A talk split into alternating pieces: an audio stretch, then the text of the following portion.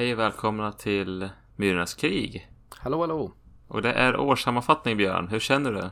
Det känns som att det har varit ett år. Ja. Kanske inte ett år i filmens tecken, men lite filmer har man väl hunnit se i alla fall. Det här är ju som en sorts teaser för att ni ska orka med och lyssna och ranta om julen. För det är ju också jul nu. Mm. Och i vanlig ordning har vi sett en film som har med julen att göra. Krampus blev det i år. Ja, den från 2015. Det kanske finns någon annan. Men eh, ja, det, vi kommer väl till det. Hur står det till? Ja, julen hittills har väl inte varit sådär fantastisk. Det har varit mycket sjukdom framförallt för vår dotter Greta men även övriga familjen. Så att än så länge har vi väl haft eh, två, tre friska dagar känns det som sen december började. Så julstämningen har lyst med sin frånvaro lite grann. Men eh, vi är ute på andra sidan av alla tråkiga sjukdomar nu. Det har inte varit något allvarligt men nog så drygt. Så jag hoppas väl ändå att det ska kunna bli ganska bra till slut. När vi ska fira faktiska julafton. Hur är det själv? Ja men det har varit, eh, om man säger, man kan förkorta september till vabber och oktober, november, december är också vabber. Mm.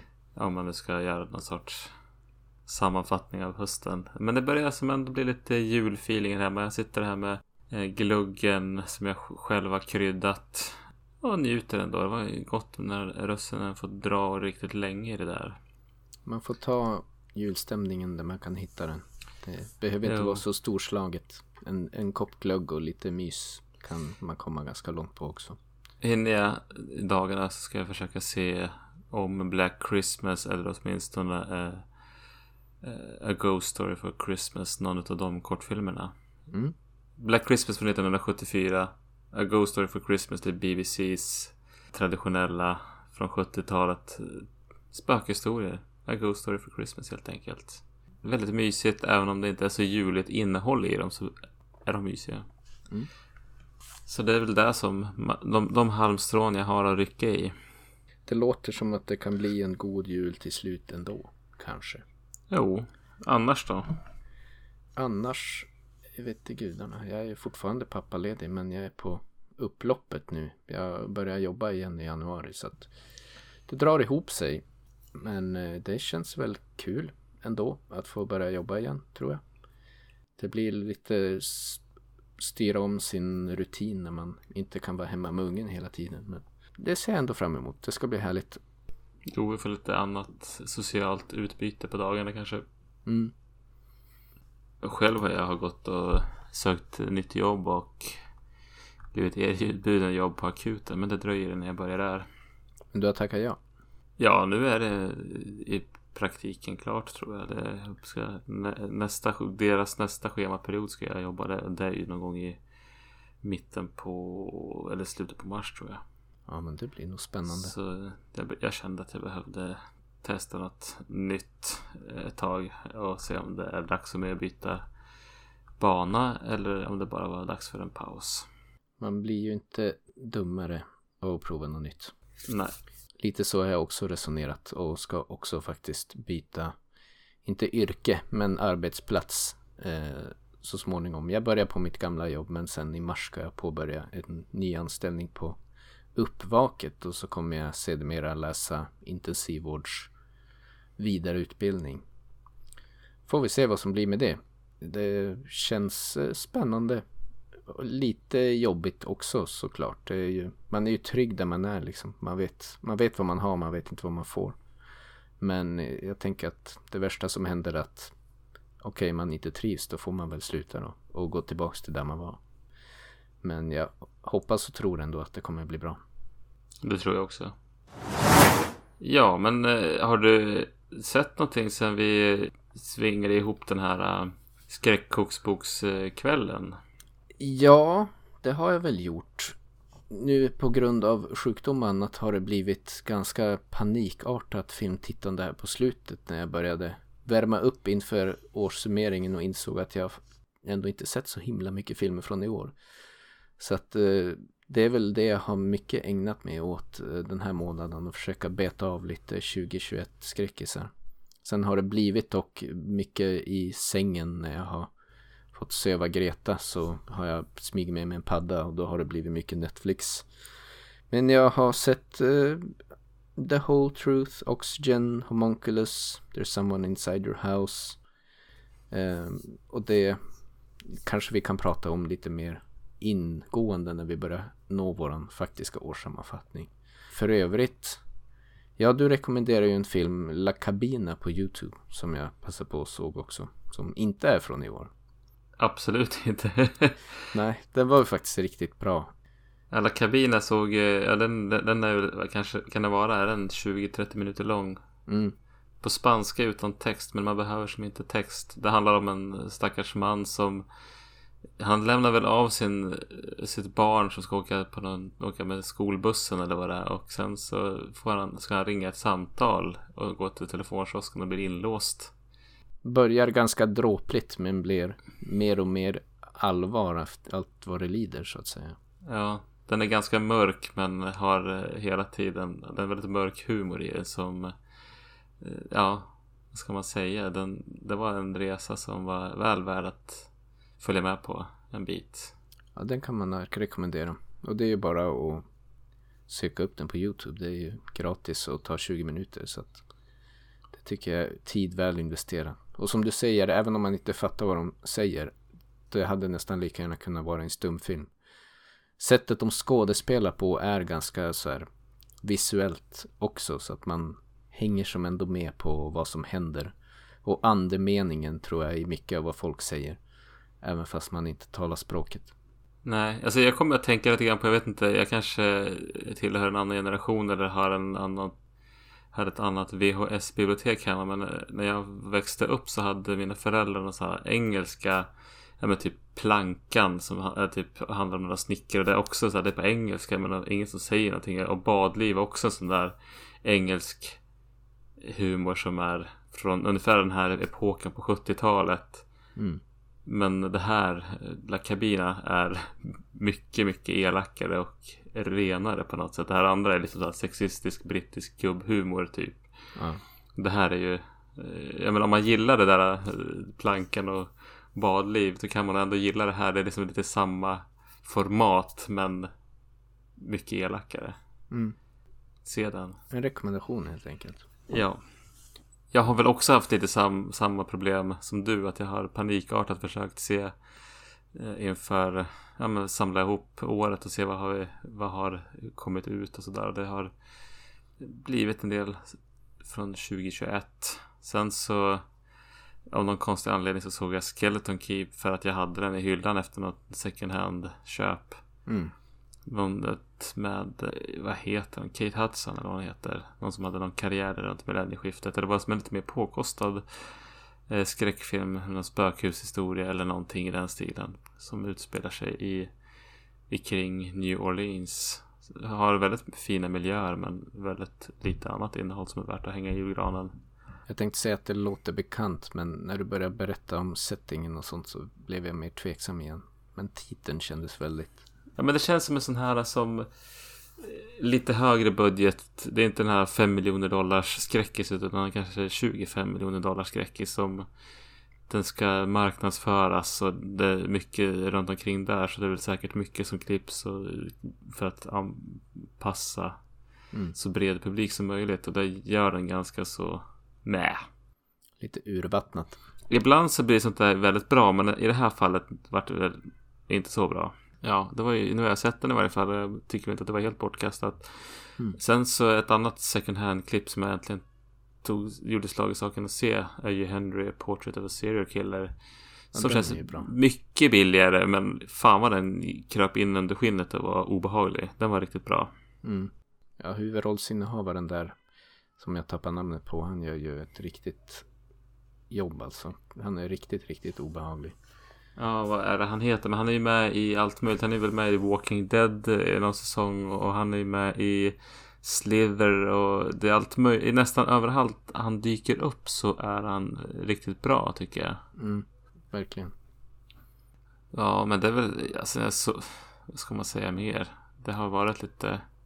Jag såg den här Symptoms, vilket är kanske lite mer av en udda fågel från eh, som är något sorts eh, från 70-talet en engelsk produktion med Angela Pleasance, Donald Pleasance dotter.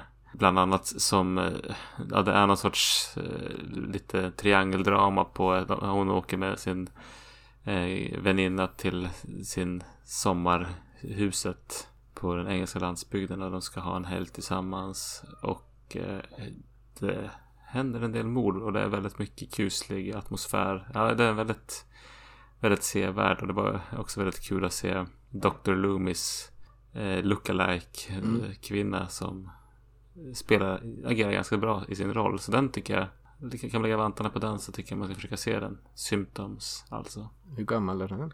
Jag tror den är från början på 70-talet. Okay. Eller slutet på 60-talet. Mm. Ja, I'll make a mental note. Någon sorts proto-slasher. Jag har den på ett BFI-släpp här som du kan få låna. Nice. Men eh, ja, vi kanske inte ska uppehålla så mycket där. Nej, som sagt, mycket av det jag sett eh, får vi återkomma till när vi ska lite mer dissekera årets filmer så att säga. Så vi kan väl hoppa på den stora julfilmen för året helt enkelt.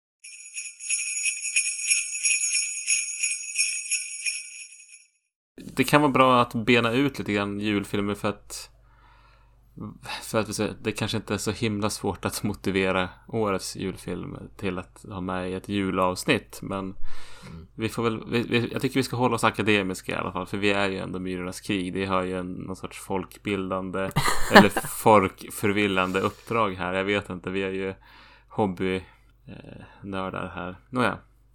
Eh, för jag tänkte så här, det finns väl lite olika koncept som man kan trycka in en film och kalla det för en julfilm. Och jag skulle väl säga att det finns väl i huvudsak fyra kategorier som är som man kan som är på mer ett objektivt plan säga att den här har med julen att göra. Det, eh, jag skulle säga kategori ett kanske den mest renodlade julfilmen som är den här vad ska man säga, en mytologisk julfilm där det handlar liksom om eh, en protagonist som försöker rädda julen och mm. den här magin kring julen som om, som om den här magin kring julen finns. Mm. Låt säga att den och protagonisten ska hjälpa jultomten eller protagonisten är en tomtenisse. Mm. Eh, och jag skulle vilja säga att eh, den filmen vi såg förra året, Rare Exports, där det är en pojke som bor vid ett berg där man håller på att göra utgrävningar för att hitta jultomten. Att den, den faller in där. Eh, sen finns det ju den här julfilmen som handlar om familjen som ska fira jul, en traditionsenlig jul men det blir förvecklingar. Jag tänker mig, om man ska ta ett komediexempel, ett päron till farsa firar jul. Ja, absolut. Men eh, jag skulle väl säga också, vad ska man säga, Black Christmas kanske lite grann nästan faller in där. Men det här är mer det sorority där de har lite julmingel. Men nej. Eh, sen så skulle jag säga filmer som vars historia bara råkar äga rum kring jul. Black Christmas kanske faller mer där under. Mm. Eller Die Hard. Eller jag inte vet jag, vad fan heter den här? LA Confidential är också sådär som i bakgrunden så är det lite julgranar men det är bara i periferin. Ah. Men man kan ändå få lite stämning. Och sen har vi den fjärde kategorin som är filmer som produceras för att vi ska se vid jul. Och där eller som har liksom kommit att bli en jultradition som Kan du vissla Johanna eller A mm. Ghost Story for Christmas som visas runt jul. Och så har det bara blivit juligt fast det inte har någonting med julen att göra mm. i övrigt innehållet. Jo men det är väl, jag hade skrivit det som en liten fundering, kanske en påhängning på den där kategorin. Att det känns ju, på ett personligt plan så kan ju en julfilm nästan vara vad som helst egentligen. Bara att det är en film som man i sin egen lilla umgängessfär brukar se kring jul. Och för svenskar är väl då Kan du vissla Johanna kanske ett bra exempel för att Sveriges Television alltid visar den kring jul. Men ja. har ju egentligen absolut ingenting med julen att göra. Men för mig, min familj, då är det alltid en sån grej. Som att man ska alltid sätta sig och titta på Kan du vissla Johanna. Men jag kan tänka mig att det finns i olika länder olika sådana filmer och för olika familjer olika sådana filmer. Har du någon sån skräckis då som jag skulle säga att den här ser kring jul? Eh, det är väl Alien i så fall. Ja. Det är någon sorts comfort food för mig. Och det är nog kanske mer en slump att man ofta har lite ledigt och tid över kring jul. Som gör att då kan man ha någon kväll där man kan titta på Alien liksom. Men jag, jag är väl inte slaviskt så att jag tittar på Alien varje jul. Men när jag tittar på Alien så är det ofta kring juletid. Så att det har väl blivit en liten löskoppling där kanske. Ja. För mig har det väl nu på senare blivit den här Bla- första Black Christmas-filmen. För den är så stämningsfull. Mm. Så den skulle jag kunna tänka mig att se kring jul. Fast den har ju med julen att göra. Den passar in på mer sätt än ett. Till Krampus då?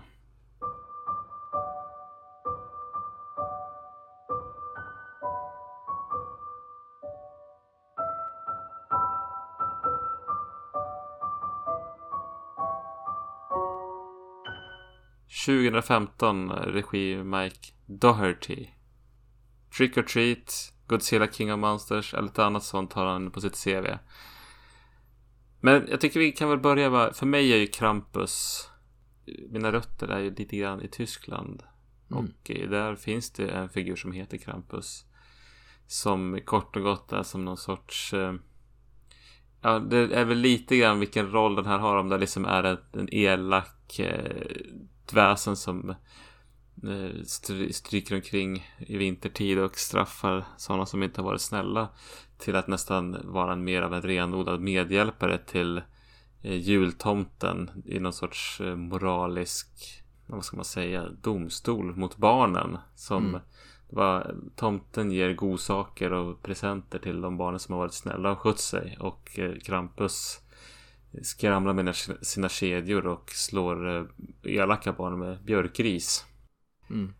Ja, men det är någon sorts sedelärande historia som man har för att eh, kunna vara auktoritär mot sina avkommor. Det är då här som denna filmen har hämtat sin inspiration helt enkelt. Jo, den här figuren har något, bär på kedjor, han har ju horn och eh, har ju päls och är ganska demonlik. Mm. Och eh, som sagt, Krampus så är det en sån här figur som stryker omkring. Har du lust att köra en synopsis på den här? Det kan jag göra. I den här filmen då så handlar det om en medelklassfamilj som ska fira jul men stämningen är inte riktigt på topp på grund av att familjens mammas syster med familj ska komma och stanna över. Och ja, det brukar väl alltid bli lite stressigt och rörigt när hela tjocka släkten kommer. Sen blir det extra dålig stämning då, då sonen i familjen Max river sönder sin önskelista och brev till tomten där han hade önskat att alla skulle ha det bra. Och blir retad av de andra barnen för det och slänger ut det genom fönstret som någon sorts symbolhandling som visar att han har slutat tro på julmiraklet som i sin tur då väcker juldemonen Krampus till liv som ja, helt enkelt eh, det sprider sig kyla och, och snö och blir lite mörkare stämning kring kvarteret och folk börjar försvinna därefter. Typ något sånt. Ja. Och eh, det det är som en lite grann att man blandar in ett päron till farsan firar jul och eh, gör lite skräck utav det istället. Mm. Kort och gott. I, vi kan väl ta rollistan också när vi ändå är igång så man får ett hum om vad det är för några. Vi har ju Adam Scott som jag i alla fall känner igen från Parks and Recreations, komediserien. Som spelar pappan i våran familj. Tony Collette är mamman, hon är med i Hereditary och lite annat smått och gott. Hon var med i Unbelievable och var hon väldigt bra i för några år sedan, en serie på Netflix. Mm. Sen har vi David Koshner. En sån här, han är väl mest en, han har väldigt lång CV men mycket röstskådespelare och komedifilmer och sånt där som han är med i. Mm. Så summan av kardemumman är att det känns ju med den här rollistan som att det är ändå ganska påkostat och att man tänker att det ska vara ganska mycket skoj. Ja. Har du något mer att tillägga innan vi börjar med våran sedvanliga S-bar? Nej, jag tycker Nej. att vi tar och biter av och hoppar på s helt enkelt. Ja, S som i skräck och spänning. Vad har du där egentligen i dina noteringar? Ja, det är inte så jättemycket. Den, den är ju inte så mycket skräck. En del spänning kanske. Jag tycker väl liksom initialt när det börjar mystiken lägger sig över villakvarteret och det blir mörkt och kallt. Då får jag som ändå lite feeling men eh, det leder kanske ändå inte riktigt någon vart. Det kommer ju en del som kanske ska föreställa skräck I guess men det är ganska tamt och familjevänligt. Och jag hade väl hoppats på lite mer riktig horror liksom. Ja, nu kanske jag låter lite gubbtråkig, men det är ju liksom en sak jag tycker de, de, de fäller lite krokben på sig själva. För att som du säger att det är i början är det lite, det hinner bli lite spännande och lite mystik. Mm. Men de dödar den genom att Krampus syns i bild nästan direkt. Ja. Så att den, den, det som de är på väg att nästan lyckas bygga upp det, det underminerar dem själva väldigt snabbt.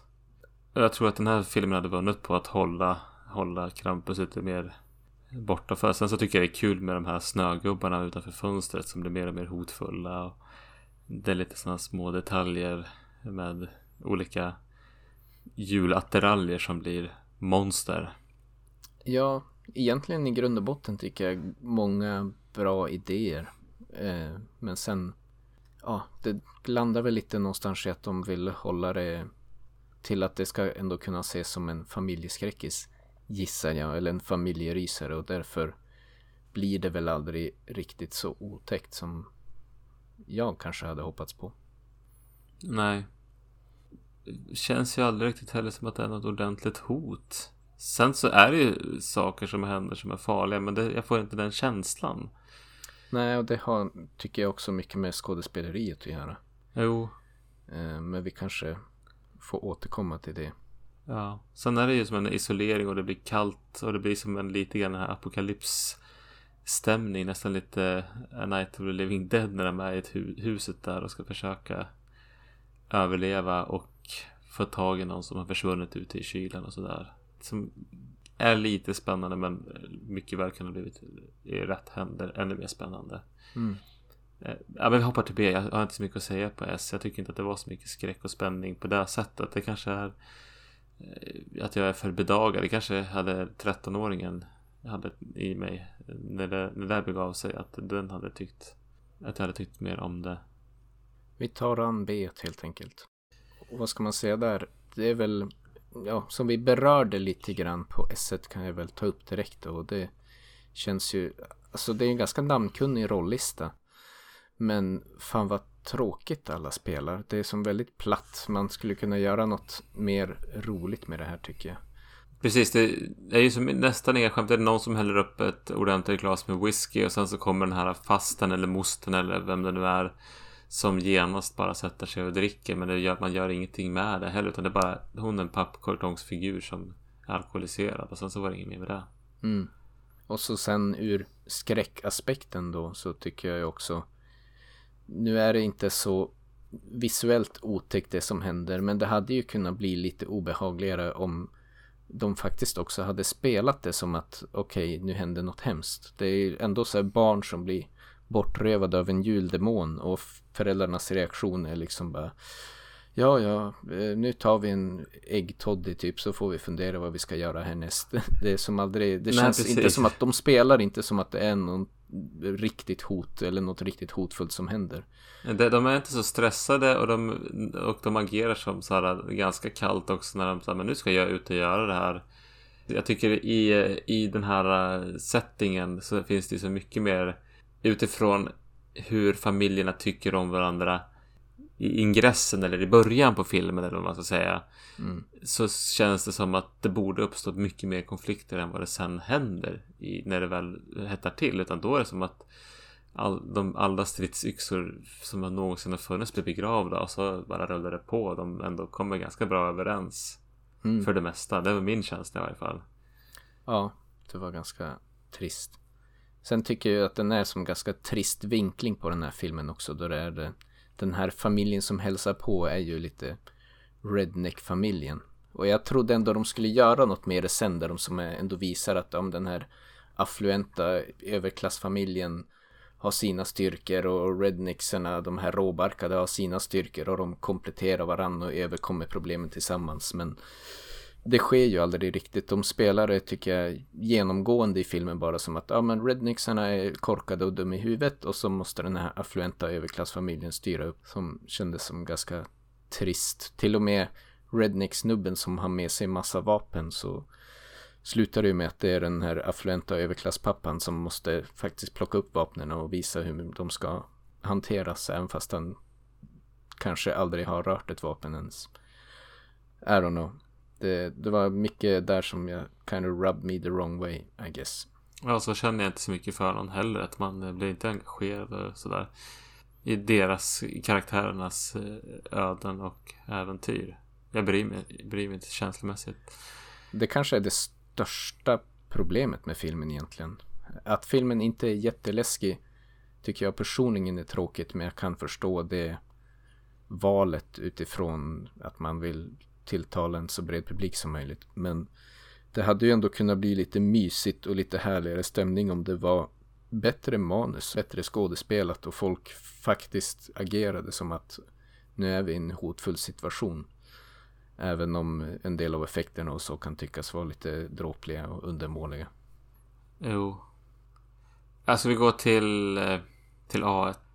Där tycker jag väl egentligen är väl det här, kanske det avsnittet i filmen som ändå är, har sin styrka. För att jag tycker jag får ändå de lyckas skapa den här fejkiga julatmosfären som kan vara så mysig ändå. Mm. Ja, de brer ju verkligen på. Alltså det är lite så här om man har sett Hallmark julfilmer fast on overdrive. Det är liksom så mycket julstämning att det, ja, det är som du säger, det känns ju lite fake men det är ändå lite nice på något sätt. Men du, i alla scener så är det tända ljus överallt och jag tycker om det. Det är som att de har, ja men vi har det, det är fake snö och allt det där men det, det syns ju och det är helt uppenbart men det är vi helt med på. Ungefär så. Man får väl lite mer sagofeelingen där också. Att det, det passar sig bättre när det är liksom en lite fabel sagosetting som man ändå jobbar i. Ja. Så den, det, det är väl det som det funkar, det funkar bäst i. Men eh, om man kommer till R så skulle väl jag inte säga att den här gjorde något för mig egentligen. Jag satt och var ganska uttråkad. Alltså R är ju, är det här någonting vi rekommenderar eller inte? Mm. Ja, tyvärr får jag väl säga också ett bottennapp. Jag satt och funderade lite kring Gremlins när man såg den här. Den filmen skulle jag nog kunna jämföra lite grann i stil och ton eh, med den här filmen. Och jag vet inte, hade jag varit 10 bast eller och sett den med min pappa då hade jag kanske tyckt att det var mycket coolare. Men ska det gå att rekommendera så måste jag ändå säga att skådespeleriet och manusarbetet måste vara bättre. Även mm. om man väljer den här lite mer barnsliga approachen, vilket är egentligen kanske fine, men manuset och skådespeleriet bär ändå inte upp det tillräckligt bra, så att det är nog tummen ner för mig också tyvärr. Precis, och den har ju som lite grann det här upplägget att det ska bli som ett päron till farsa, men det är som att det blir... Då måste man ju skoja mer. Den mm. skojar mm. inte och den skräms inte. Men det kanske, det kanske är en blivande kultfilm för de här som kanske har åldern, är rätt i åldern när de ser den här. Sen så är det någon som växer på med åren. Jag har ingen aning. Men jag tycker då inte att den här är, jag, kommer då inte se om den här. Det, det kommer inte hända. Då kan man hellre välja Rare Exports som vi såg förra året. Som också skulle kunna passa bra som en familje, lite julig grisare. Men som ändå är ganska snäll. Och lite rolig. Mm. Har en lite mer originell ton också på något sätt. I jämförelse. Absolut. Vi har kommit till eh, mellandagarna här. Julen har passerat och det börjar närma sig nyår och eh, de här äh, årskrönikornas tid. Ja. Så 2021. Vad tycker du poddmässigt i största allmänhet Myrornas krig i år? Har du någonting du minns särskilt starkt? Ja, kanske ändå eh, Israel tyckte jag var ett trevligt avsnitt om jag ska säga liksom någon personlig favorit. Både utifrån att jag tyckte podden blev ganska bra i slutändan och den jag gillar ju jorden runt grejen och Israel kändes återigen som en lyckträff så tillvida att det var ett land som kändes det här var liksom någonting annat jag fick se tack vare att vi for till Israel och som ja. dessutom var väldigt bra.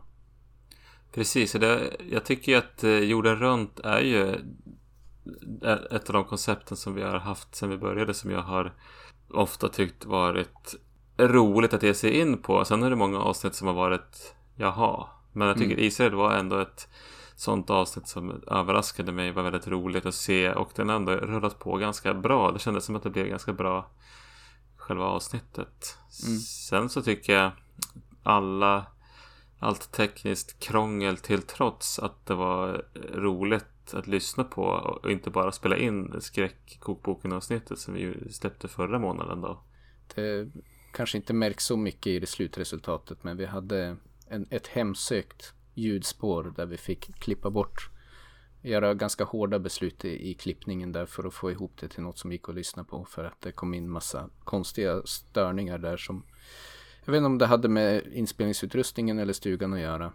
Men med det sagt så var det ett skitroligt avsnitt att spela in. Kan man skaffa sig den tiden och kunna fara ut i stugan och liksom laga god mat tillsammans och ha ett färdigt koncept som man fick serverat där så skulle jag gärna göra det någon fler gång. Det var väldigt trevligt. Och Mm. som sagt trevligt att lyssna på. Så det är väl egentligen de bestående, de bestående minnena jag har om Mm. året. Mm. Det har varit, jag tycker det har varit ett ganska roligt år ändå. Vi har liksom kommit igång med vårt S-bar-koncept. Alltså, det beskrev vi kanske inte innan vi gick igenom Krampus, men det här med skräck, berättande, audiovisuellt och om det är några rekommendationer eller inte. Men det, det finns nog utrymme till att fila på det där, det tycker jag. Men det har gjort det lättare för mig att få någon hålla mig på banan. Det, vi hade ju tendens att spåra ur väldigt mycket Ja, eh, tidigare i pladder. Ja, men det har varit ett trevligt år. Sen har det varit mycket annat som har hänt i livet liksom. Jag har blivit farsa och skaffat nytt hus och så att eh, ibland vissa månader har väl känns som att podden har, har kommit lite på efterkälken och man har suttit lite med kniven mot strupen för att få, få ut ett avsnitt. Och det är väl inte alltid lika kul när det blir lite så här stressigt att fem dagar innan månaden är slut så bara okej, fan nu måste vi ta tag i det här. Men eh, vi har ändå rått ihop det på något sätt och genomgående tycker jag att det har gått ganska bra. Och det är ändå skönt att ha det, det att se fram emot varje månad också. Att vi ska ha en filmkväll och vi ska ha, sitta och snacka lite skit om film så man kan få tänka på något helt annat än allt annat i livet. Precis, annars känns det som att det bara dagarna flyter på i någon sorts eh, för det mesta ganska trevligt men det blir rätt så monotont också. Mm. Jag hade väl hoppats att jag kunde se fler filmer från i år i år. Men det har varit en del som jag inte varit så sugen på att se och sen har det varit svårt att få komma iväg på bio alla gånger och det har varit ja men det är ofta korta perioder saker går på bio. Det har varit lite extra krångligt. Om jag ska säga från personlig sida också varit lite så här bristande engagemang. Det är inte alla filmer som har kommit i år som man har varit så sugen på att se. Så då har man tänkt att ja, men jag ser det när det kommer ut på någon streamingtjänst eller så. Så har det lite runnit ut i sanden. Och eh, sen som sagt, som tidigare nämnt, det har varit mycket annat utanför filmtittandet också som har gjort att tiden har varit ganska begränsad. Mm. Men jag tror på ett 2022 där det här vänder. Ja. Så vi kan vara lite mer dedikerade för det känner jag själv att jag behöver bli mer genomarbetade. Men det kanske vi inte ska snacka så mycket om nu för vi har väl Vi har ju ett 2021 filmår att snacka om. Vi har varit på bio några gånger ändå. Sett några filmer. Ja. Trots allt under hösten här har det blivit Gick vi på Halloween Kills och på Last Night in Soho. Jag hade gärna sett på Candyman men det var som att den så här, Jag såg fram emot att det skulle gå på bio och sen så var det, ja men det kanske inte går för att det är restriktioner och rätt vad det var så, ja men den hade visst gått på bio och nu är det för sent. Det var väldigt snabbt. Flash in the pan. Jag bommar den helt. Jag, jag trodde fortfarande att, jag trodde den bara aldrig fick någon biorelease men Nej men det var knappt. Det var den känslan jag hade. Att den var, jag, eller så var det bara att jag var i en, i en väldigt intensiv jobbperiod eller någonting då, som gjorde att jag liksom hade väldigt få möjligheter. Ja. Men det var som de där veckorna den var uppe på bio så hann vi inte. Och vi som snackade om den här redan i 2019 eh, nyårsavsnittet att ja, men den här kommer vi se och nu har vi missat den. ja ja. Ett och ett halvt år senare. Vi, Två vi år får ta, sedan. det, ta igen det en annan gång. Ja, det tar vi. Den annan som var på G var väl A Quiet Place Part 2. Som Ja. också har blåst förbi mig. Ja, det har, jag har på ett sätt så här, känt Jag har känt mig väldigt sval inför den Men samtidigt så är det svårt att inte prata om den För att det är ändå en sån här Ganska populär film bland folk. Och Mm. vi har ju sett första filmen och jag tyckte den var okej men inte fantastisk. Men vi borde handlägga den på något sätt. Men det har vi inte gjort. Nej. Hur ska vi summera det här året? Jag har ju liksom snickrat lite grann. Jag, jag, jag, jag vill ju liksom få det lite festligt här. Mm. Så jag tänkte, jag har utifrån de förutsättningarna jag har så har jag ju gjort, vi kommer ha lite separata prisutdelningar här så kanske vi kommer prata om några filmer som vi har sett tillsammans eller båda har sett. Mm. Ska jag ta och göra, dela ut lite priser? Jag har ju lite olika kategorier ändå. Som, så att du får lite Oscars-feeling här. Ja, du kan börja så kanske jag kan Kanske jag kan haka på. Jag har inte riktigt förberett eh, mina Oscarsstatyetter. Jag har bara skrivit ner lite grann de filmer jag har sett som. Ja, okej, men eh, då ska vi se. Årets guldmyra för S. Ja, S då, det är skräck eller skrämsel. Då har vi eh, nominerade är till årets guldmyra för skräck och skrämsel. Det är Come True, Saint Maud och Malignant. Mm. Är det någon av dem du har sett? Inte en enda. Okej, ja, men jag, jag såg Come True var en tidig jag såg här i våras. Den dök upp på Cineasten, alltså där man kan låna gratis via biblioteket. Mm. Det är väl en sån här mumblecore-skräck. Ja men det handlar om en, en ung kvinna som har rymt hemifrån och har som någon sån här det, dröm och verklighet flyter ihop och det är en del ganska bra eh, otäcka sekvenser där i de här drömmarna och det händer en del spännande och kusliga saker runt omkring henne så jag tyckte att den här var eh, rätt så nice ändå Mm. i otäckhet. Sen har vi ju Saint Maud då. Som eh, är en, en ja, lite av en snackis. Som, den kom väl till Sverige i år men den hade väl här festivalsläpp för egentligen 2019. Men pandemin kom i vägen så eh, den kanske inte hör hemma i det här året. Men jag tycker nog ändå det. Där är den som en, det, då får man följa en, också här en ung kvinna. Men en kvinna som är egentligen ganska psykiskt skör märker man och det är någonting bakom henne. Hon är djupt religiös och hon är sjuksköterska. Hon har efter någon psykbryt har de börjat jobba mer som en sorts hemsjukvårdare åt den som är döende i cancer. Mm.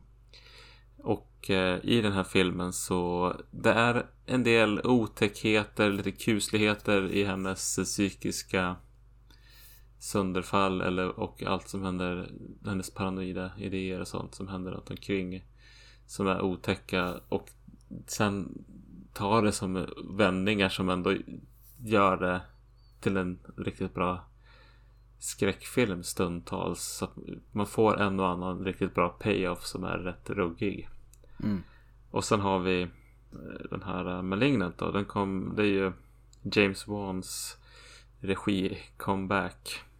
Som lite grann ändå kom lite så här vid sidan om. Inte verkar varit så mycket snack om den tycker jag.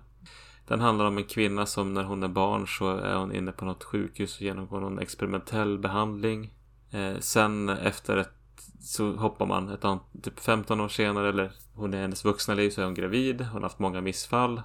Och eh, efter att hon har blivit misshandlad av sin make och får ett ordentligt slag mot huvudet så börjar det hända konstiga saker. Det dyker upp ett monster, ett spöke, någon sorts ent- entitet som förföljer henne och eh, hennes, mördar hennes man och sen så kan hon ta del av de här hon har på något sätt delad syn med det här monstret så hon man får följa med på en massa eh, mord som det här monstret begår. Mm. Om du förstår vad jag menar. Den här hade ganska många roliga kills. En del så här typiska väldigt paint by numbers skräcksekvenser som ändå är bra gjorda hantverksmässigt. Så jag skulle väl, ja, den, därför är den nominerad. Har du kommit fram till vem som tar hem statyetten för året då? Ja, statyetten blir ändå Saint Maud för den tycker jag hade en bra payoff mitt i där. Eller det, i, det har en väldigt viktig scen. Inte mitt i filmen kanske tidsmässigt men den har en, en nyckelscen som jag hajade till. Och den var som ganska välförtjänt tycker jag. Ja, jag vet inte. Jag tycker genomgående för året i vårat poddande också att eh, jag vet inte om man har blivit härdad eller om man bara träffar fel gång på gång. Men ofta så är inte filmerna i slutändan så läskiga. Nej, precis. Eller det är liksom inte lika mycket som skrämmer en eller kommer åt en på samma sätt längre som det kanske var tidigare. Eh, så det är lite svårt, tycker jag. Jag har inte sett Saint Maud utifrån vad jag har sett. Om jag skulle säga sammantaget, liksom som S i sin helhet sett till hela filmen. Då vet det gudarna egentligen. Det kanske skulle kunna vara Fear Street för mig. Jag tycker att den hade ganska många kills som ändå, okej okay, det var inget superläskigt men i den filmen ändå blev lite att jag hoppade till för att de bara, okej, okay, de they really went there och var ändå ganska hardcore kills där eh, som var ganska obehagliga. Annars tycker jag väl det enda andra standout jag har från året är väl The Eighth Night. Som jag ska säga från början att jag tycker inte är en särskilt bra film. Men den hade någon specifik scen där det, en, det handlar ju om någon sorts buddhistisk demon som besätter folks kroppar. Och någon sorts eh, munkar då som ska jaga efter för att stoppa den här demonen. Men den hade någon sekvens där med en ung skolflicka som blir besatt av den här demonen som var ändå så här, gav mig lite så här kalla kårar där de filmar i någon sekvens där de bara står och är creepy. Det är lite svårt att beskriva. Det är lite på samma sätt som när vi såg Kairo eller Pulse där det liksom är bara en sån här väldigt lång utdragen scen där hon bara står och tittar på en av huvudkaraktärerna och man får bara de här håren reser sig lite grann på kroppen för det ser bara inte rätt ut på något vis. Väldigt subtilt men eh, det, det tyckte jag var bra i en för övrigt väldigt medioker film. Så där hade du den eh, som standout. Ja. Jag tycker, jag håller med. Jag tycker att det är sällan det är riktigt otäckt. Kanske är det för att vi tittar på ett fel håll eller så är det att man är, att vi är läser av det. Nu är det dags att skrämmas. Eller att vi ser filmerna när vi, med, med poddögat. För liksom, typ man har någon sorts analytisk glasögon som gör att vi inte riktigt är med på åkturen riktigt. Mm. Jag funderade vad det är. Jag, har, jag, jag lider lite grann av samma problem. För jag, att Saint Maud vann tycker jag säger inte så mycket om att den var en fruktansvärt otäck film. Jag tyckte att den, den levererade en del skräck som var av rang. Men det var liksom inte så här att jag trillade av stolen av skräck. Nej. Skulle jag slänga ut en guldmyra då kanske det skulle bli The Eighth Night. Men det skulle vara för den specifika scenen. Och inte för filmen i så fall. Ja. Ska jag slänga ut en, en, film som helhet då kanske det för mig ändå blir Fear Street. Som jag tycker sammantaget ändå var yeah, pretty good. Eh, den hade en del otäcka scener och höll ihop det rätt bra. Ska vi ta en Guldmyran för B-berättelse då? Mm. Story. Ja. Vad har du där? Ja men här har jag Saint Maud också nominerad. För att jag tycker att det var en spännande historia som var bra berättad, bra agerad. Hade mycket jag söker i film i största allmänhet. Sen så, det som inte var skräcket i den var bra. Mm. Jag var också inne på Come True. Den är ju lite för, kanske lite ännu mer hipster horror som, men jag tyckte den var trevlig att se. Jag, jag var engagerad och följde den filmen med nyfikenhet vart den skulle ta vägen. Sen hade den ett svagt slut som jag blev lite irriterad på. Som drog ner denna del. Men den är nominerad. Mm. Sen har vi Last Night in Soho, den här filmen vi såg på bio som jag ändå tyckte hade en det är, vad heter han? Edgar Wright, stämmer det? Han som Baby Driver, han har gjort lite annat smått och gott. Han har gjort lite med Simon Pegg tror jag. Ja, precis. Eh, och eh, som återvänder till skräckgenren där vi har den här berättelsen om den här eh, föräldralösa tjejen från landet som är en begåvad Designer. Mo modestudent, ja designer mm. precis.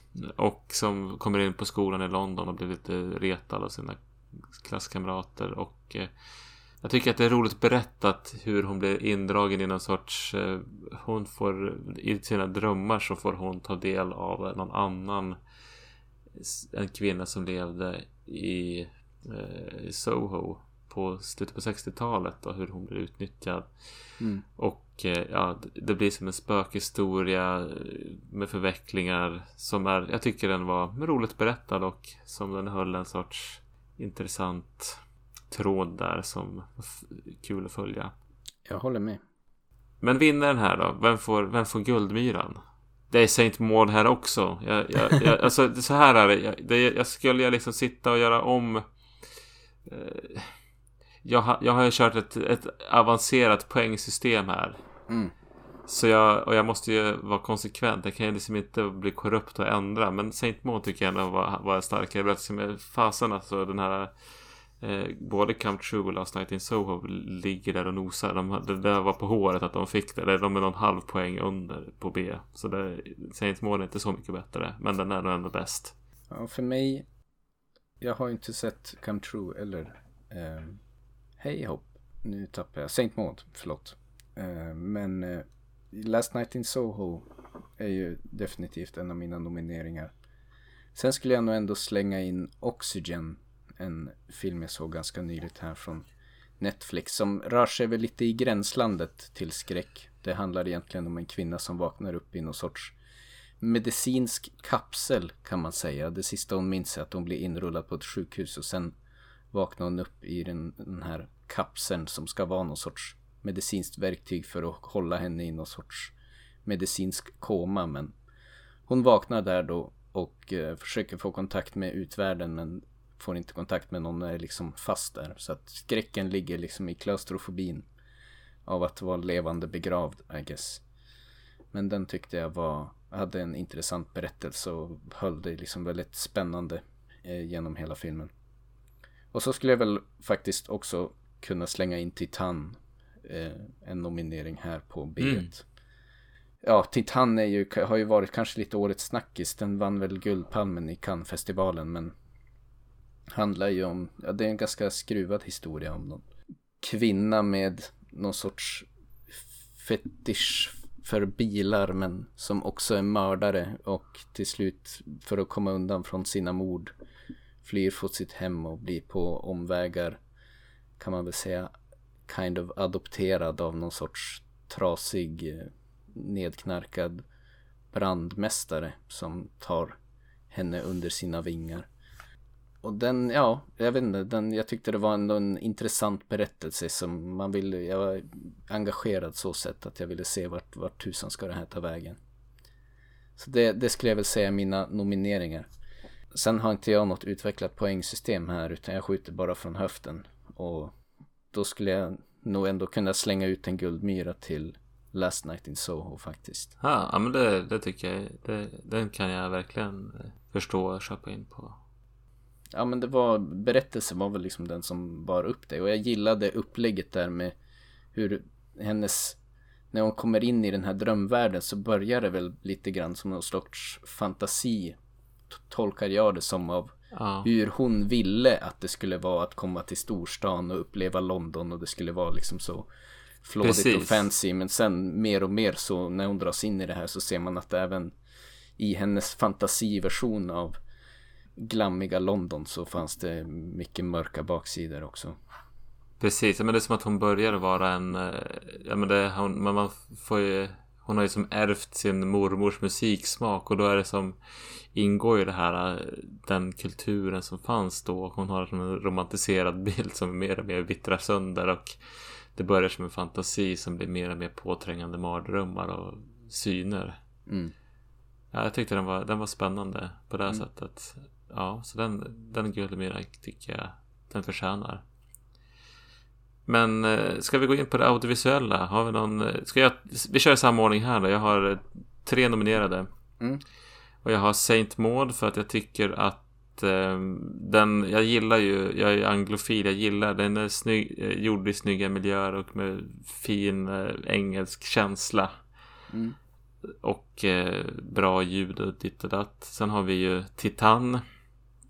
Tycker jag ändå var ganska färgsprakande och hade som ibland väldigt snygga fotoidéer och hur den, det vart som nästan vissa scener var så filmade som tablåer som där liksom skådespelaren gick in i en tavla och stod mm. på ett intressant ställe. Så det var, som, det var ganska kul att titta på den och det var bra musik emellanåt och jag tyckte den, ja, den, den höll en, på det planet en teknisk rätt så hög nivå ändå.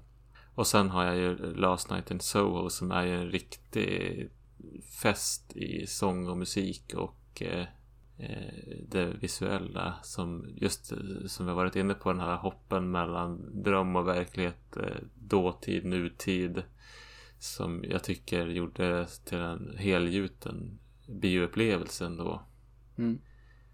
Och min guldmyra går faktiskt till Last Night in Soho på det audiovisuella för den var, den var riktigt trevlig att se på och lyssna på. Ja, jag... eh, Ska jag liksom slänga ut tre nomineringar här så blir det ju absolut Last Night in Soho och, och Titan som jag också får ta med. Sen vet gudarna, alltså av det andra jag har sett, om det är någonting som egentligen sticker ut. Jag, jag kanske ändå kan slänga in en liten nominering på Fear Street. Det är ju mycket, jag tycker ändå de, den, den spänner ju över ett ganska brett spann men träffar ändå av ganska varje tidsålder ganska bra. Det är liksom mysigt, nostalgitrippande men ja, jag tyckte ändå att det, det funkade liksom för mig så sett. Jag tyckte den var, jag kan på en del, nu ska jag inte avbryta för mycket men den eh, Fear Street var ju som att 90-talet var ju som Nu har jag glömt bort vad den heter 94 heter den väl? 94. 94. Jo men jag tänker på eh, den här serien som går på Netflix Eh, ja, Stranger Things. Ja, att Ja. den är som Stranger Things fast för 90-talet. Mm. Och sen den här del två som utspelar sig på sommarkollot. Känns det som en riktigt ändå välgjord pastisch på de här sommar, summer camp slashersarna. Typ eh, Fredag 13 och så vidare. Mm. Och så lyckas med den här folkskräckfilmen på från ja men alla The Witch. Den, den, de lyckas med alla tre hyfsat tillräckligt bra för att jag ska acceptera dem och gilla det. Det- förutsätter lite att man ser alla tre filmerna som en film. Vilket är kanske en liten orättvis jämförelse men det blir en, en trio av filmer som är större än varje enskild del kanske. Jo, och lämna lämnar ett bättre intryck tack vare att det är tre sammanhängande filmer. Men ska jag ändå slänga en guldmyra där så kommer det nog faktiskt för mig också landa i Last Night in Soho. Med reservation för att man kanske är lite färgad av att man var och såg den på bio. Det eleverar ändå ett snäpp tycker jag för mig personligen. Men det är som du säger, det är bara en, en potpurri av visuellt godis som man får bjudas på i den filmen. Och de gör det ändå väldigt bra. Så rent audiovisuellt så, så blir det en guld, guldmyra till Last Night in Soho för mig också. ja men då har vi en klockren guldmyra till. Det är första gången vi är eniga hittills. Ja, Roligt. då blir det väldigt spännande att höra när vi landar på R då. Vilket Ja, är R. väl kanske den lite mer egentliga topplistan liksom. Precis, nu blir det som, jag har ju gjort som en, en topplista, en topp 5. Jag har sett lite fler filmer än så, men jag tycker att det känns... Att ha en topp 20 lyckas jag inte få till och en topp 10, då är det så precis ungefär som... Då kanske jag, då kan det vara, jag har sett en ganska dålig film i år och då kanske den ändå slinker med för att jag har inte sett så himla många filmer i år. Så det är inte rättvist. Så topp 5, då är det i alla fall lite gallring. Mm. Well, well. Ska vi ta en eh, nedräkning då? Jag, jag börjar med min femma. Yes. Och där har jag satt eh, Fear Street. Mm. Alltså då har jag ju räknat ihop poängen jag lagt för A, S, både S, B och A och R. Mm. Och viktat om det. Så där, då får den en stabil femteplats. Jag tyckte de, de tre filmerna ändå, som du säger, audiovisuellt helt okej. Jag tyckte de höll ihop. Och jag, jag, jag, jag följde dem med spänning. Ändå. Så de tyckte jag om. Mm. Tillräckligt mycket. Har du någon femma? Femman för mig för i år tror jag kanske ändå får bli Titan. Och det är lite av årets besvikelse för mig faktiskt. För jag hade ställt väldigt höga förhoppningar kring den filmen. Och jag tycker väl det ändå, berättelsen är nog intressant för att det var ändå en film som höll mig engagerad filmen igenom. Och den är ju sevärd. Men eh, skräckdelen av filmen tyckte jag kändes väldigt påklistrad. Så ser den I guess, men det är en femma och då är det lite mer, det ser mer om hur dålig min filmskörd har varit i år, höll jag på att säga. Eh, den, men den är nog ändå sevärd tycker jag. Den har väldigt en intressant berättelse. Så det, Titan är femman för mig helt enkelt. Och det är en perfekt segway in på min fyra. För jag satte den på fyran här mm. på min lista. Jag tycker den... Jag var också lite besviken. Tänker man en eh, skräckfilm som får Guldpalmen. Det är ju liksom lite grann som att när Lammen tystnar fick massa Oscars. Och ja. de fina Oscars eh. Men så bra är den absolut inte. Men, eh, men det sagt, jag, jag stör mig på att de klämmer in skräck. Det är inte så otäckt, det är lite body horror och sånt där. Men sen är det ändå någonting i den här udda berättelsen. När hon går och flyr, hon är den här mördaren som flyr och det är liksom hela tiden riskerar att bli avslöjad eh, hos den här brandmästaren. Det är en väldigt skruvad och intressant historia som jag tyckte var väldigt sevärd. Så jag, jag, jag kanske inte kommer se om den men jag, så här säger jag jätteofta i podden. Men så är det. Ja. Men eh, den, den var definitivt Jag satt och följde den med spänning. Så den gillar jag ändå. Fyran för mig lite out of left field kanske men jag skulle nog ändå kanske kunna sätta There's someone inside your house. Mm -hmm. Den är ju den är ju dålig liksom på något vis. jag vet ju det, men det var lite sån här älskvärt skräp när jag tittade på den. Jag, återigen liksom får jag reservera mig för att filmstjärnan har varit dålig. Eh, jag hade nog svårt att göra till och med en topp 5. Men eh, jag tyckte ändå att den var... Vill man ha en bra film som inte kräver att åh, nu ska jag sätta mig ner och tänka och fundera så tyckte jag ändå att ja, men det var spännande OK, liksom älskvärt skräp slasher. Och det tycker jag är rätt nice ibland. Så det är nog kanske mitt mest kontroversiella beslut, men den har jag satt som fyra. Ja, men det är roligt. Jag har inte sett den, om jag ska vara ärlig. Den är värd en tittning. Alright. Förväntar inte något fantastiskt, men eh, den, jag tyckte den var värd en tittning, absolut. Ja, nu kommer väl min topp tre här, vad inte var så överraskande, men jag kan väl börja med min tredje plats då. Mm. Come True. Den kanadensiska indie mumblecore-filmen då om hon som rymmer hemifrån och har en massa otäcka syner. Den var... Ja, men jag tycker ändå det kanske inte faller den klassiska skräckfilmsfantasten så väl i smaken men... Ja, är det gratis så är det värt. Din trea då? Min trea får faktiskt bli Oxygen. Som jag tycker, för mig som har lite klaustrofobi-tendens också så tycker jag att den filmen är faktiskt verkligen otäck. Även om konceptet är väldigt enkelt. Det är liksom bara en tjej som är instängd i ett trångt utrymme och vet inte hur hon ska ta sig därifrån. Eh, och börjar hallucinera och bli mer och mer uppstressad av situationen. Men jag tyckte den filmen var ändå, den är inte jättelång och det är tack och lov för det. Liksom, det är ett ganska begränsat utrymme i och med att hela filmen utspelas i den här lådan. Men hon som spelar i den filmen gör det bra och den håller sig spännande rakt igenom. En film som man nog ska undvika trailer och material och sånt till. För det är ju lite twist i den här filmen som är lätt att få spoilat för sig. Eh, och den är nog snäppet bättre om man går in i den ovetandes också som jag gjorde. Så det är så man ska se den? Mm. Yes. Om vi kommer upp på tvåan här. Den är inte så långt ifrån. Jag har ett poängsystem där man kunde få upp till 25 poäng. Tvåan har fått 18 poäng. Mm. Ettan 20 och en halv poäng. Så min tvåa är trumvirvel. Trumvirvel. Yes. Last night in Soho. Tjuhu! Ja, på, baserat på ovan nämnda hyllningar. Jag tyckte den var... Sen kanske den vann väldigt mycket på att, att vi såg den på bio. Men jag tyckte...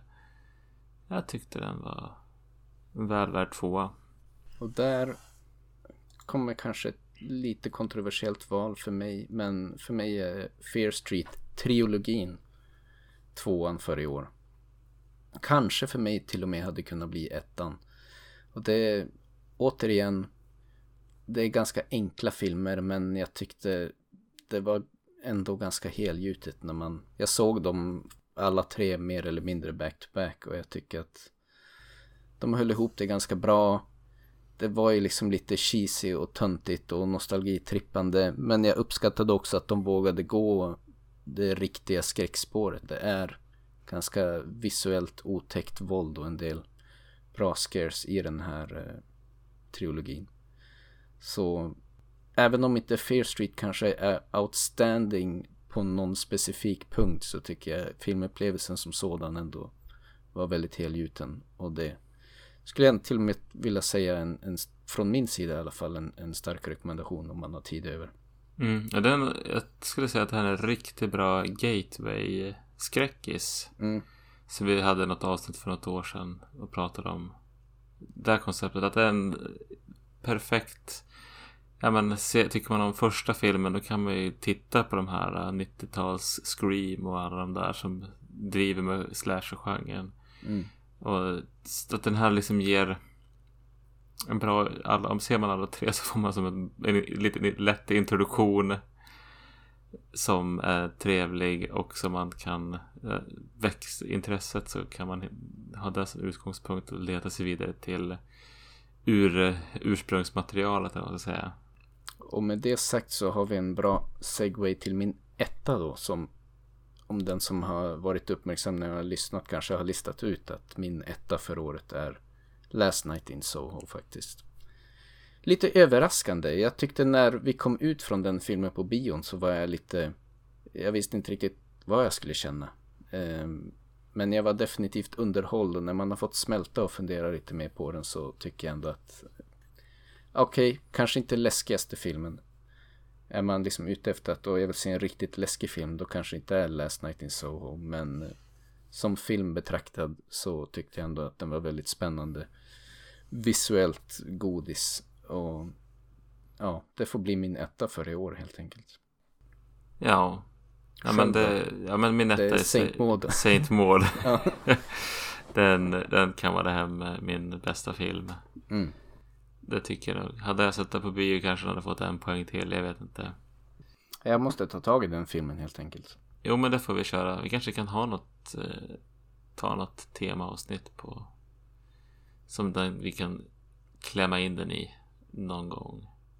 Ja, men eh, där har vi dem. Den topp fem.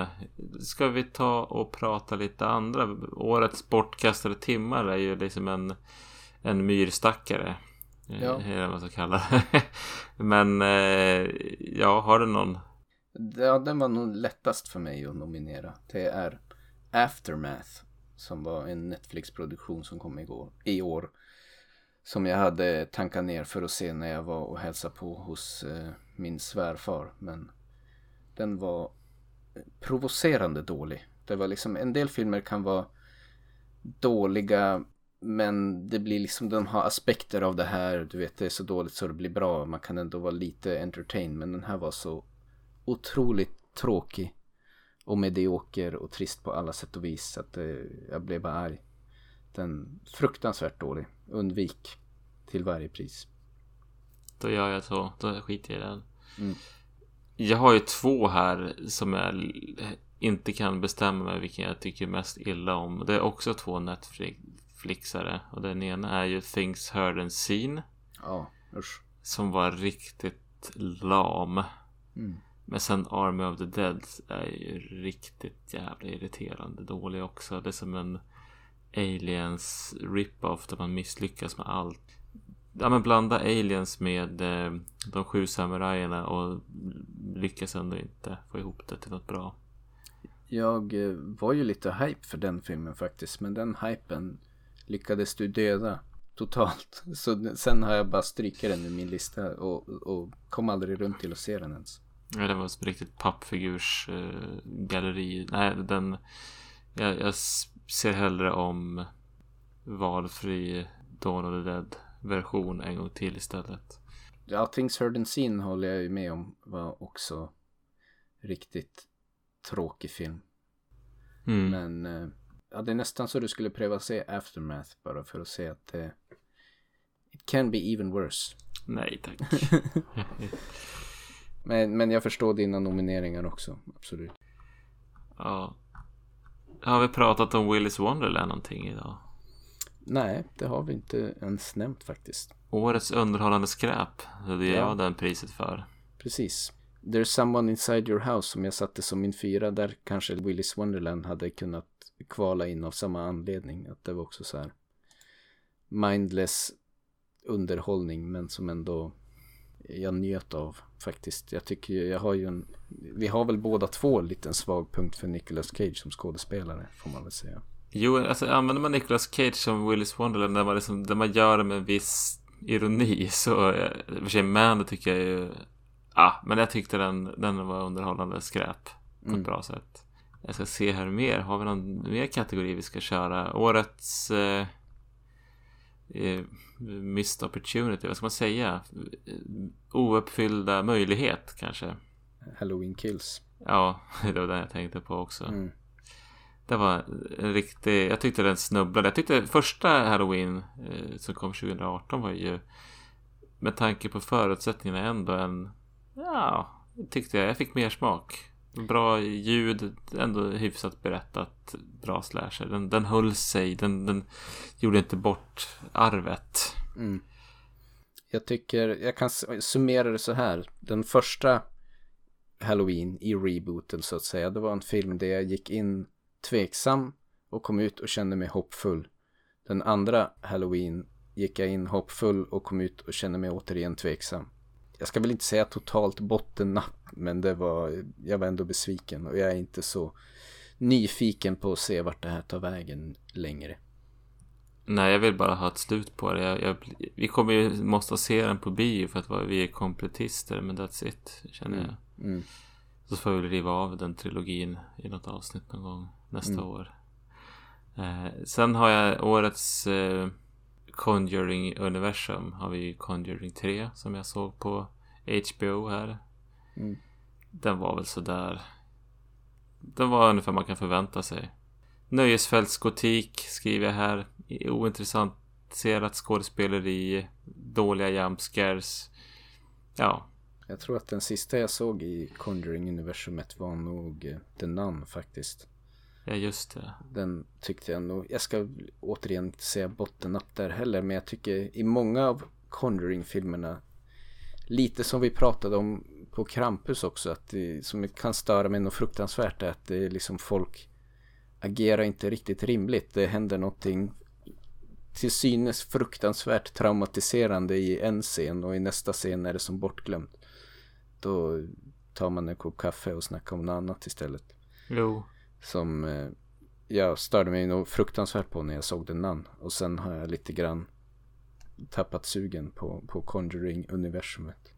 Jo, jag har, jag har ju lite problem. Det är så det här med det Conjuring-universumet att eh, det är ju, alltså jag tänker om vi som podd har, skulle ta upp det så känner jag liksom att hur jag än ska angripa det här ämnet så blir jag som, så jäkla ointresserad för att det är eh, någonting med de här filmerna som är så, det finns som ingenting att prata om i dem. Jag tycker de är ointressanta.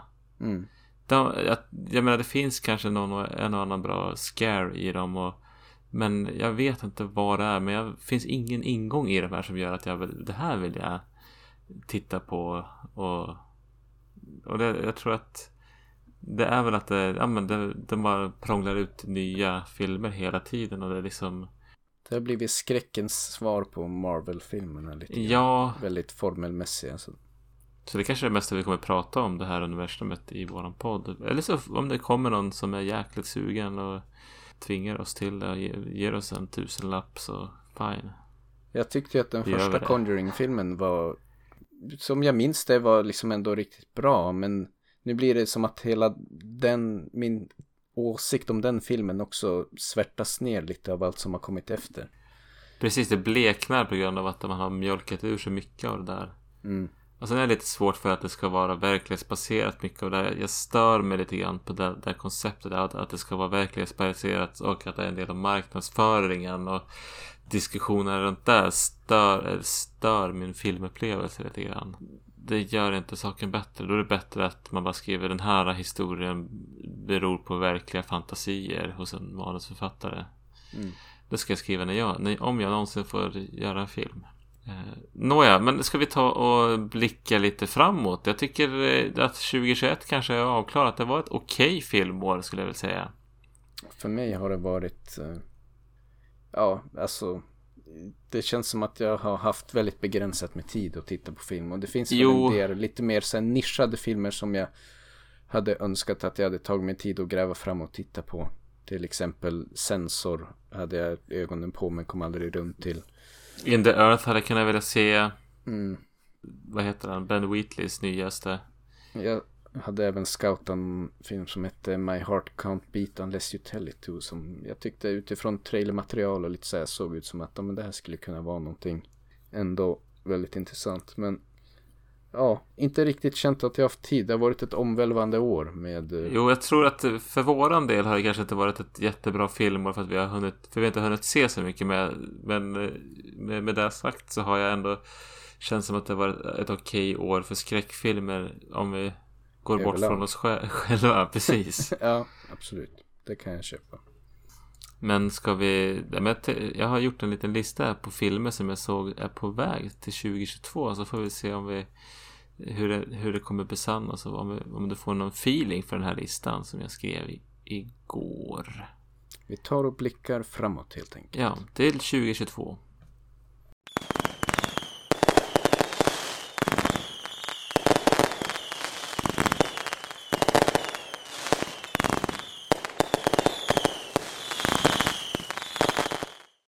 Ja, 2022 har vi då framför oss. Vad har vi att se fram emot? Är det något särskilt som sticker ut för dig? Jag vet inte, det vi har ju sett, jag har ingenting som så här som skriker det här måste vi se. Men vi har ju sett på trailers nu när vi varit på bio att eh, Scream kommer ut, eller Scream 5 ska man väl kalla den, men enligt tids, tidsandan så heter det bara Scream. Och eh, den tycker jag, jag känner ett litet sug att se, no, på ett eller annat sätt. Och se vad de gör med det. Jag, jag vill ju ha ett avslut där eh, Sydney och Dewey är mördarna. Och så är det färdigt. Ja. Det är väl ändå en vi skulle kunna försöka ta oss iväg till biografen och se beroende på omikronsituationen och så. Men eh, om det går. Precis. Sen har vi sett eh, trailers för The Black Phone här med Ethan Hawke som jag väl var lite mer skeptisk. Jag är väldigt Till. skeptisk. Den kändes... I don't know. Jag har ju rant om det lite tidigare i podden med liksom så här skräck som inte riktigt vågar vara skräck utan det ska ändå, de ska ändå göra det lite fint och kärleksfullt och mysigt liksom. Det, jag fick lite de vibbarna av, av den trailern som gjorde mig tveksam. Plus att den här telefonen känns inkrystad och kopierad från någon annan, den här koreanska telefonskräckisen vi såg. Mm. Ja, sen har vi ju Jordan Peele kommer med någon Nope. Som inte det finns så mycket mer information om än att den heter Nope. Det är lite Jordan Peele spännande. bakom spakarna så är jag alltid intresserad. Jag tycker Ja, hans skräckfilmskatalog är inte så stor ännu men eh, det har varit två filmer som jag har tyckt varit väldigt trevliga. Så, Jo. De är inte helt okontroversiella bland skräck-communityt men eh, jag tycker att de är, jag har alltid tyckt om att se de filmerna han har gjort så varför inte? Mm, De är intressanta, de är mer idédrivna än skrämseldrivna. mm. Sen har vi något nytt släpp med någon motorsågsmassaker, någonting, någonting. Jag vet inte vilken, om det är en reboot eller remake eller någon... Remaster. Det, och det är väl det här att man har man motorsågsmassakern så då får man väldigt mycket gratis marknadsföring och det är lättare att tjäna pengar. Så därför pr- prånglar man väl ut en till Mm. dito. Sen har vi ju Firestarter, en reboot på den. Sen har vi Salem Slott, en reboot på den. Urban Legend, en reboot på den. Sen har vi någon Hellraiser reboot ser jag här. Och sen är det typ någon djurkyrkogården någonting, någonting uppföljare som inte finns så mycket information om. Och sen någon prequel till Predator som heter Prey. Lite skojigt. Mm. Ja, det är mycket sånt där eh, andefattigt kan man ju tycka. Men det, det, är ju, jag tror att det, det, det är lättare att sälja Coca-Cola än att uppfinna en ny cola och slåss på marknaden. Så är det ju. Det är väl lite grann så där också när man blickar framåt så de här doldisarna som man kanske upptäcker under året, de är inte så bass, mycket bass omkring ännu. Men de här, de här har redan fått en massa gratis bass och vi bussar redan om dem nu. Ja. Så det är ju så. Men det, eh, många av de här eh, kända varumärkena kommer ju vi inte ens vara i närheten av att se. Vi kommer, de kommer bara passera förbi och dra tillräckligt många för att ränta för filmbolagen. Men är kanske inte tillräckligt spännande för att det blir en snack om i slutändan. Av alla de här eviga reboots och restarts och remasters och prequels och allt så får jag väl ändå säga att jag håller ut ett liten så här strimma av hopp även om jag är extremt skeptisk att någon någon gång skulle våga göra en riktigt bara hårdkokt brutal predatorfilm i, lite i samma anda som originalet. Behöver inte vara lika mycket liksom svettiga mansmuskler men ändå liksom hårdkokt skräck-action och som vågar ta det till något lite mer otäckt och brutalt. Istället för den här actionspåret som många har gått. Ja, den här sista som kom hette det, var det Predator? Den hette bara? Predators som vi såg på ja. bio. Den här som var bara Den var ju som en riktig actionrökare som inte hängde ihop. Att de, och nu åker vi buss och helt plötsligt åker de motorcykel. Och sen så var det bara ett jättehögt tempo. Mm. Som är lite typiskt för där vi är nu. i mycket film som går på bio. Man bombar på med så många set pieces som är så himla fartfyllda för att man inte ska tänka efter för mycket vad som händer. Nej, det är som att de är rädda att publiken ska tappa intresse om det inte är minst två explosioner i varje scen.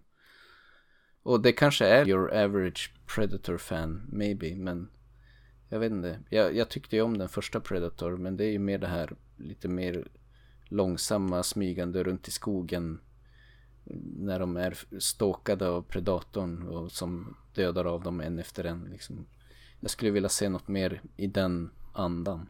Jo, precis att det får vara att de är en mot en och verkligen måste, hur fan löser vi det här? Mm. Att det liksom får, det får vara ett body count, det har jag ingenting emot, men hur skräcken ska, mer beton, betoning på skräck om man säger så. Ja. Sen tror jag ju liksom de skräckfilmerna man verkligen kommer uppskatta under 2022, de vet vi kanske inte ens om än. För de får inte riktigt den här pushen i början av året. Det, det är de här remakesen och rebootsen som sticker ut för man känner igen. För det de, de man ser sen så, när, för de ser folk fram emot och de andra ser, kan man inte se fram emot för att de inte har fått det där snacket än, som sagt. Mm, ja. Men eh, jag, jag ser ändå lite, jag har ju några passer med någon, någon kostymskräckis som ska utspela sig i Makedonien på 1800-talet. Mm. You won't be alone som jag vet inte så mycket om men jag blir ändå lite nyfiken. Eh, med den, den eh, australiensisk brittisk produktion. Så det kanske tar bort lite grann av det här Hollywood-maskineriet ur filmen. Mm. Och så har vi, ja, är det något mer här som jag kan, är värt att nämna? Jag tycker ju att det här är ingen ny film. Jag, jag hoppas, hoppas innerligt att besökarna Blu-rayen äntligen blir släppta från Studio S Entertainment. Mm. Och jag läste det senaste nytt att det eventuellt kan komma att de är öppna för att man kan boka, att biografer ska kunna boka den. Så jag hoppas att den kan komma upp på bio också. För då måste vi fan se den. Vi får skicka en, vad heter det på svenska, petition till Folkets bio. Jo, ligga på där. Ja, jag vet inte, man kanske får göra, det är Folkets bio det kanske finns hopp. Om det så bara är för två visningar en helg. Jag tror den ändå kan det kan ändå ränta. Det kan ändå bli lite snack i stan. Jag, jag skulle säkert lätt kunna gå på den och lyckas övertala någon till. Mm. Jag är så jäkla sugen på den. Orimligt sugen. Det här kommer bli årets besvikelse. Något som jag är kanske orimligt sugen på också som tekniskt sett egentligen är en 2021-film men fortfarande inte fått någon europeisk release. Det är ju eh, The Medium den kommer jag försöka lägga vantarna på så fort det, så fort det bara går egentligen.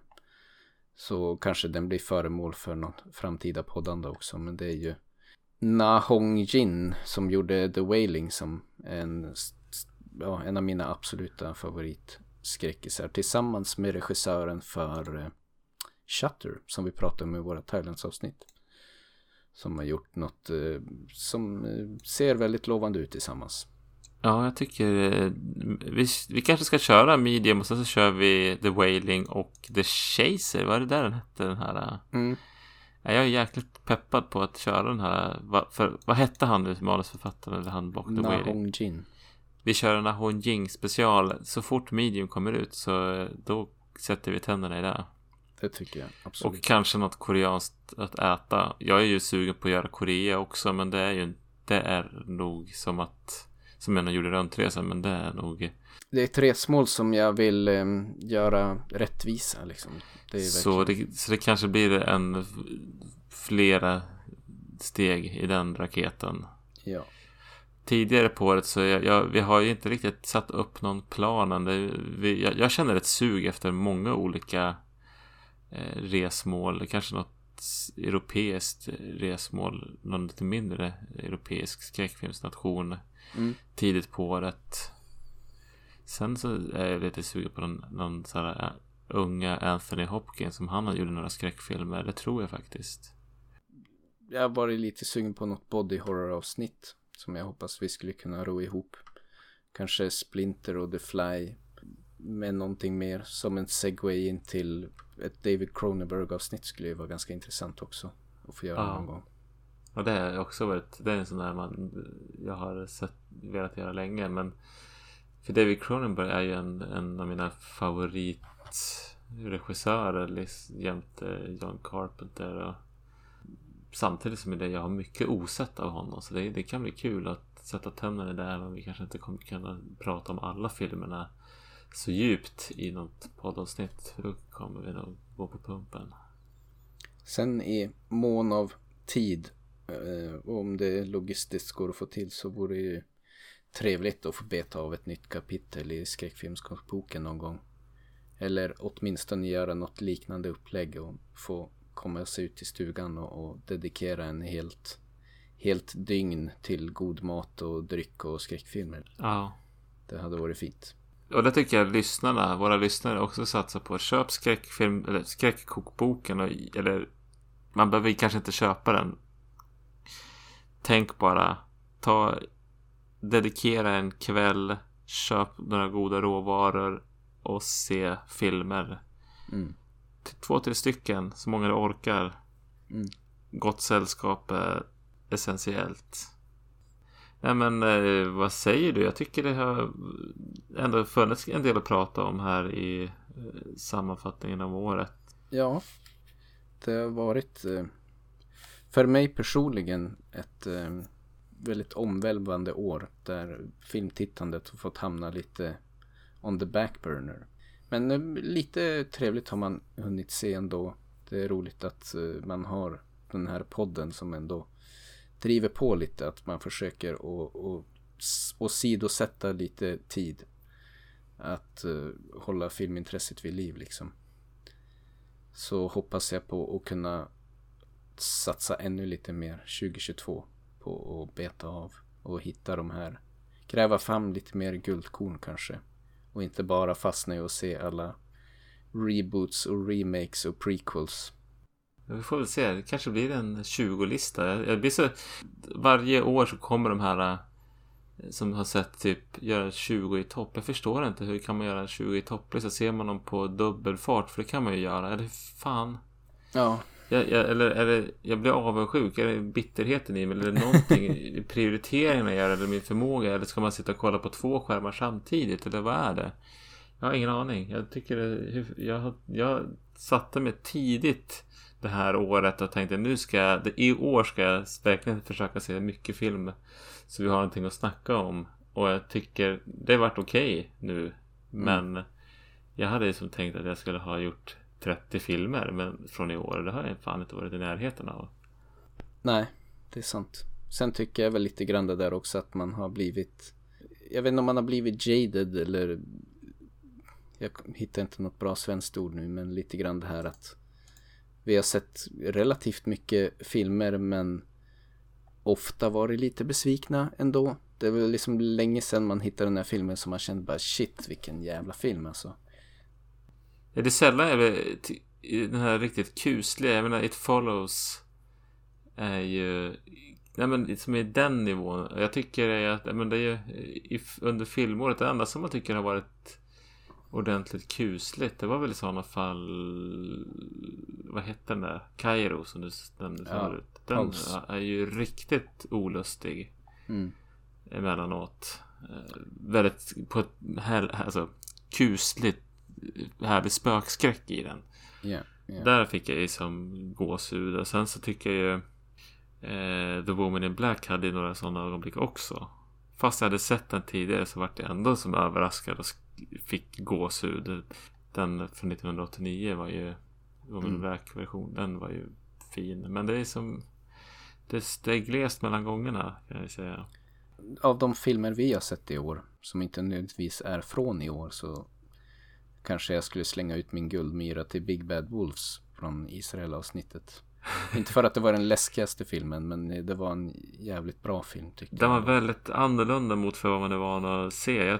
Och den är ju en väldigt ambivalent film. För det är sällan jag har haft så filmer som jag velat rekommendera till folk. Men måste bita mig i tunga för att den är så, har ett våld. Som gör att den är ju inte vem som helst som kan se. Mm, mm. För den var ju helt magisk på många sätt. Ja, den var en riktigt högtallarfilm på en del sätt. Ja. Men ingenting för vem som helst. Den är nog min, min personliga guldmyra från i år. Jo, om man ska ta den var ju riktigt bra.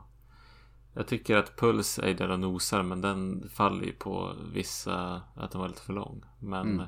Mm. för den hade ju en, en väldigt eh, depressiv atmosfär och en jävligt bra spökhistoria. Ja. Men eh, ja, Big Bad Wolves kanske vi ska säga här med tanke på att den var bättre sammansatt på något vis. Kanske årets guldmyra i det vi har sett. Precis. Om vi inte ska säga Alien, men det var ju... ja, precis. Alltså, det finns ju filmer jag har sett i år, men det är ändå... Jag har sett dem så mycket tidigare, så det känns inte som att det var i år jag upptäckte dem i alla fall. Nej, precis. Det är inte så att man går och blir helt mind-blown. Det var ju 20 år sedan det hände. Mm, precis. Ja, men där har vi börjat nå, nå slutet på eh, nattens avsnitt. Mm. Jag har haft det roligt och jag känner en positiv anda inför framtiden. Vill ni nå oss så finns vi på Facebook på Myrornas krig. Vi heter Krigmyrornas eller snabel gmail.com om man vill mejla oss någonting och vi finns på Myrornas krigpodd på Instagram om man vill följa oss där. Där vi ibland släpper någon nyhet. Ja, det händer inte så mycket där kanske. Men det är ändå värt att följa. Därför det får man veta mm. när vi släpper nytt avsnitt. Och så vidare. Och kan kommunicera med oss där förstås. Ja. Vad har vi mer att säga? Förutom gott nytt år och allt det där. Nej men det är väl Det är väl det vi får avsluta med att säga helt enkelt korka upp champagnen och gå in i dimman. Precis. Eller avsluta julmusten. Det beror på när man lyssnar på det här avsnittet. Men vi tackar för det här filmåret och ser fram emot ett nytt år där vi hoppas att eh, några av er vill fortsätta lyssna så ska vi fortsätta försöka gräva fram lite filmer att prata om. Gott nytt år då! Gott nytt år! Och godnatt. Tack för att ni har lyssnat. Och godnatt.